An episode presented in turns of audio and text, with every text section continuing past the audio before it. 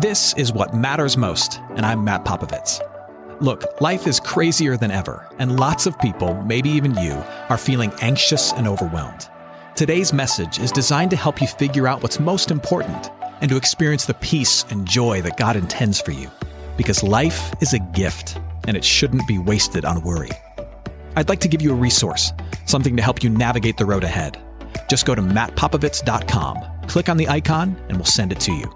That's Matt, P-O-P-O-V-I-T-S dot com. And hey, if you happen to live in the Houston area, I'd love to see you on a Sunday morning at St. Mark in Spring Branch. Head to stmarkhouston.org to plan your visit. Here's today's message. Thanks for listening. We're taking a look at the book of Revelation, like the first quarter of the book or so. So, in the first few chapters of this book, Jesus is, is delivering some letters to seven different New Testament churches.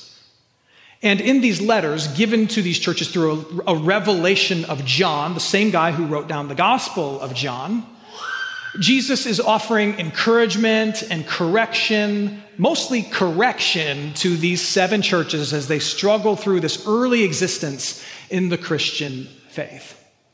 And, and though these letters were written to these churches that existed almost 2,000 years ago, uh, there's still application for us today. And so we're going to look at these letters of, of correction and encouragement that Jesus sends to these churches and just ask the question how might this apply to us corporately as a church and individually as followers of Jesus? And today we get to look at, at the second letter that Jesus wrote to one of these churches. It's a, it's a letter to a church in an ancient city called Smyrna. Now, now, this church was situated in a city that is, is now still in existence called Izmir, Turkey. But it was called Smyrna back in the day. Now, this ancient city of Smyrna was a harbor town, meaning there were lots of people coming into the town. It means it was a well resourced town. So, Smyrna was known for having paved streets, a big deal way back then. They had a library, also rare back in the day, and a gymnasium, as well as a whole bunch of Roman temples, a bunch of Roman temples, because Rome occupied this territory and demanded that they set up these temples. And so that's what the city of Smyrna was known for. There was a strong Roman presence, of course, but also a sizable Jewish presence in this ancient city. And both of those forces, the Roman force and the Jewish presence, they both served to, to bother the Christian community in Smyrna.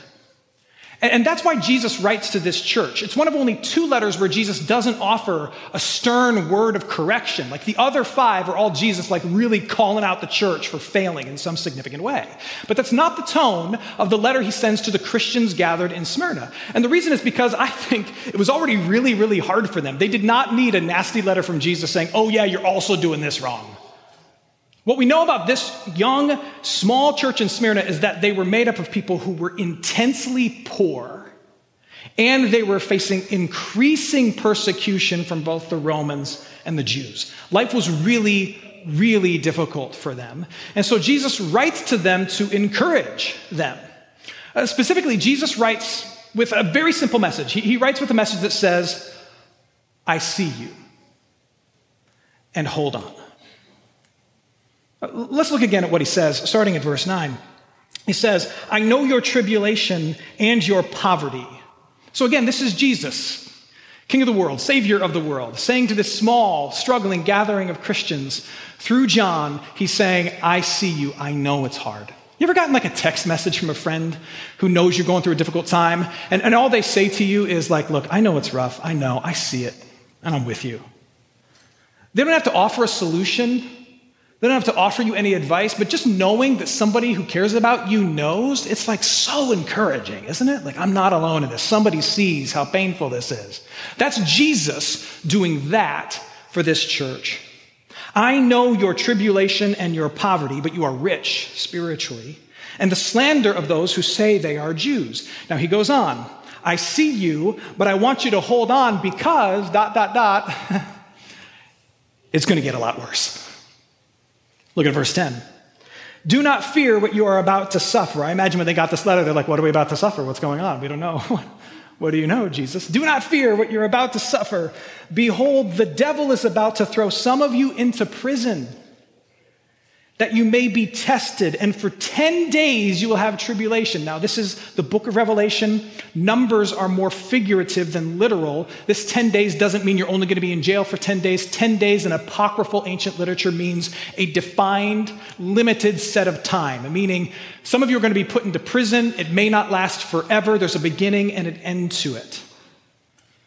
For 10 days you will have tribulation. Be faithful unto death and I will give you the crown of life. Summarized like this Jesus writes a letter to this small, struggling church, and he says, I see you. It's going to get worse. Many of you are going to go to jail, and some of you are going to die. Now, why would Jesus write this letter? Is it just that he wants to give them a heads up, like, hey, you might want to get your affairs in order, that will you've been putting off, you might want to bring that to the front burner?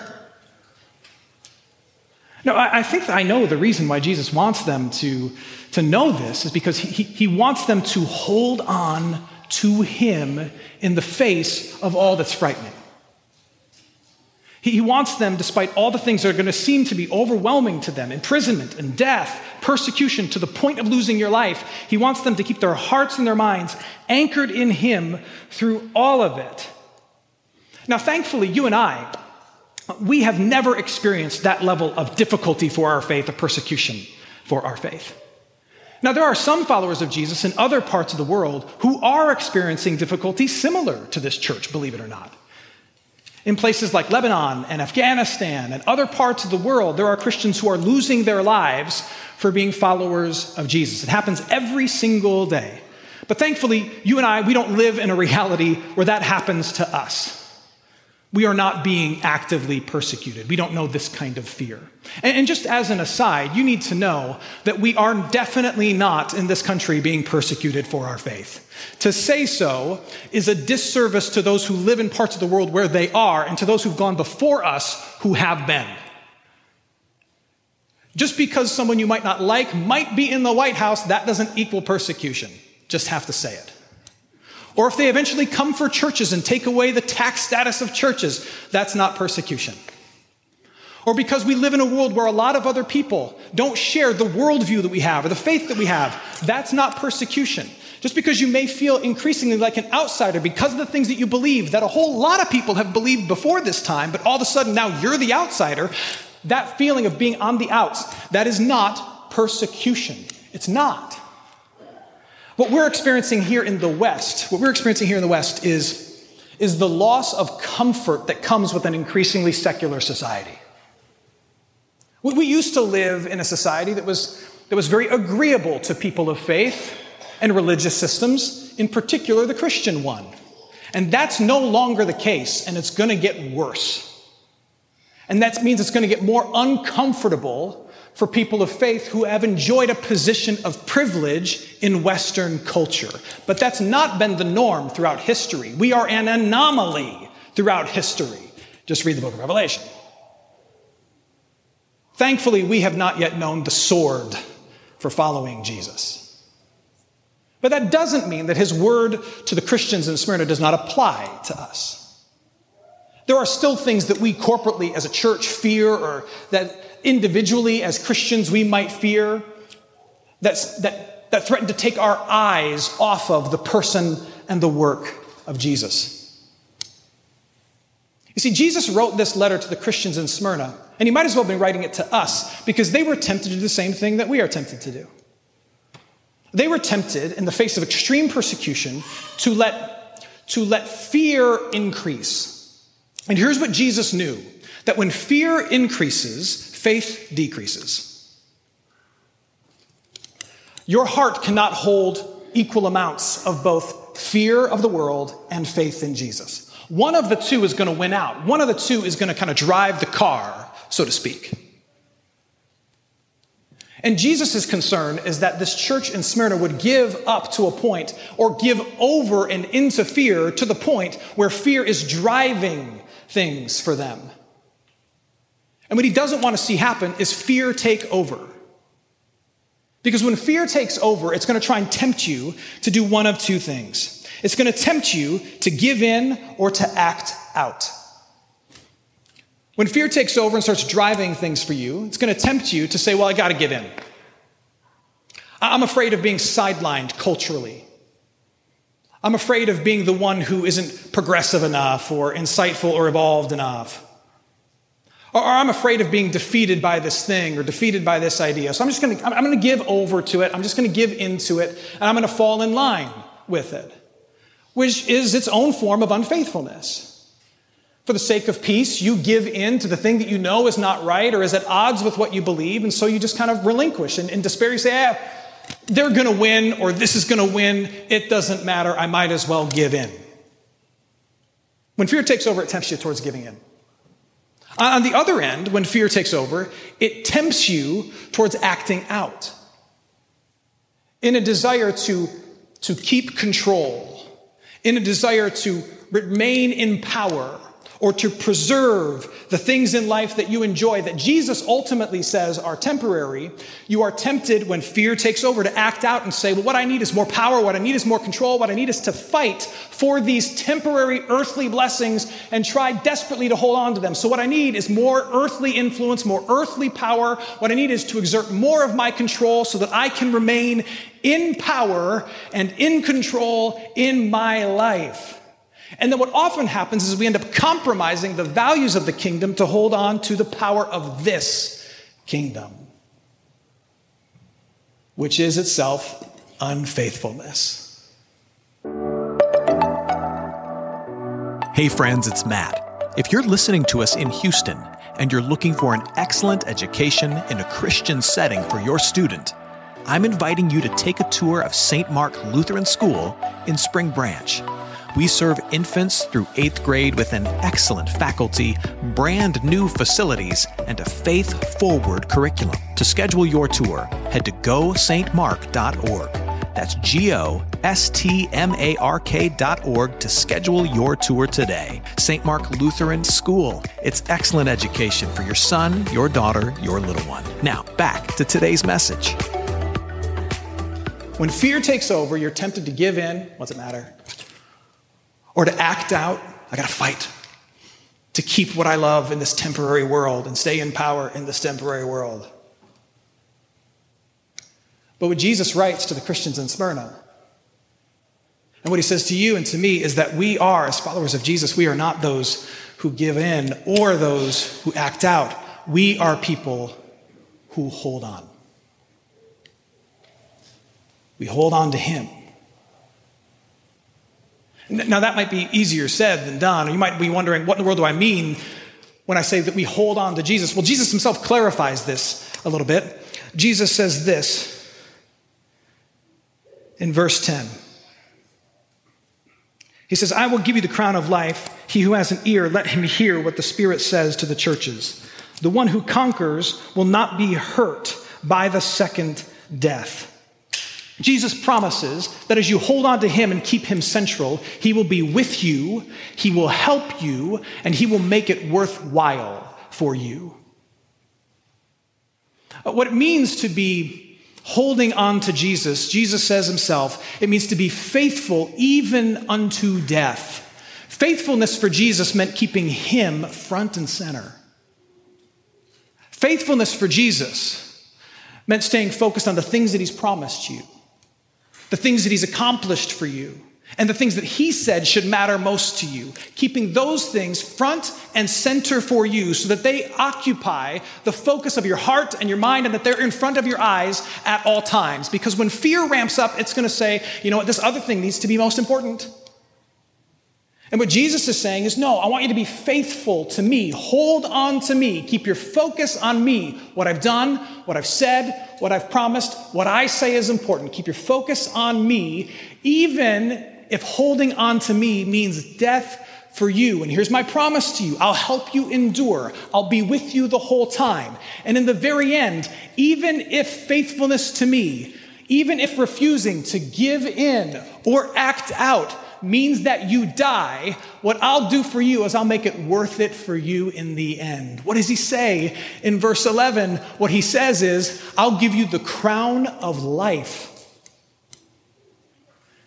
and I'll be with you forever. You will not be touched by the second death. That's a, that's a book of Revelation way of talking about being forever separated from the Father. So even if remaining faithful to me, holding on to the promises that I give to you means death for you, I'm going to make sure that in the very end, there's a victory parade for you, that you win in the end, and that you are never outside of the presence of the one who made you and who loved you and who saved you. I'm going to make it okay for you. Don't give in. Don't act out. I know it's scary. Hold on to me. Now, you might be asking the question, especially if you're here and you're not yet a follower of Jesus well, what makes Jesus trustworthy? Uh, what makes him worthy of that level of trust that if I, if I keep my life focused on him, rather than just give in to the fearful powers or act out and try to retain power and fight for it in this world, that if I hold on to him, it will be worth it for me in the end. Well, well, the answer to that is quite simple.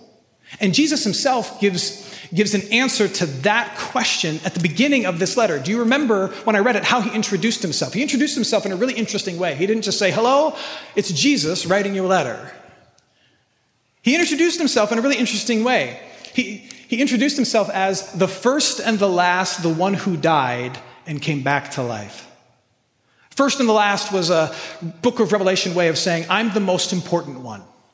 And why am I the most important? Because I faced what you faced. I died, they killed me too, and I came back to life. That makes me the one worthy of your trust. That makes me the one worthy of praise.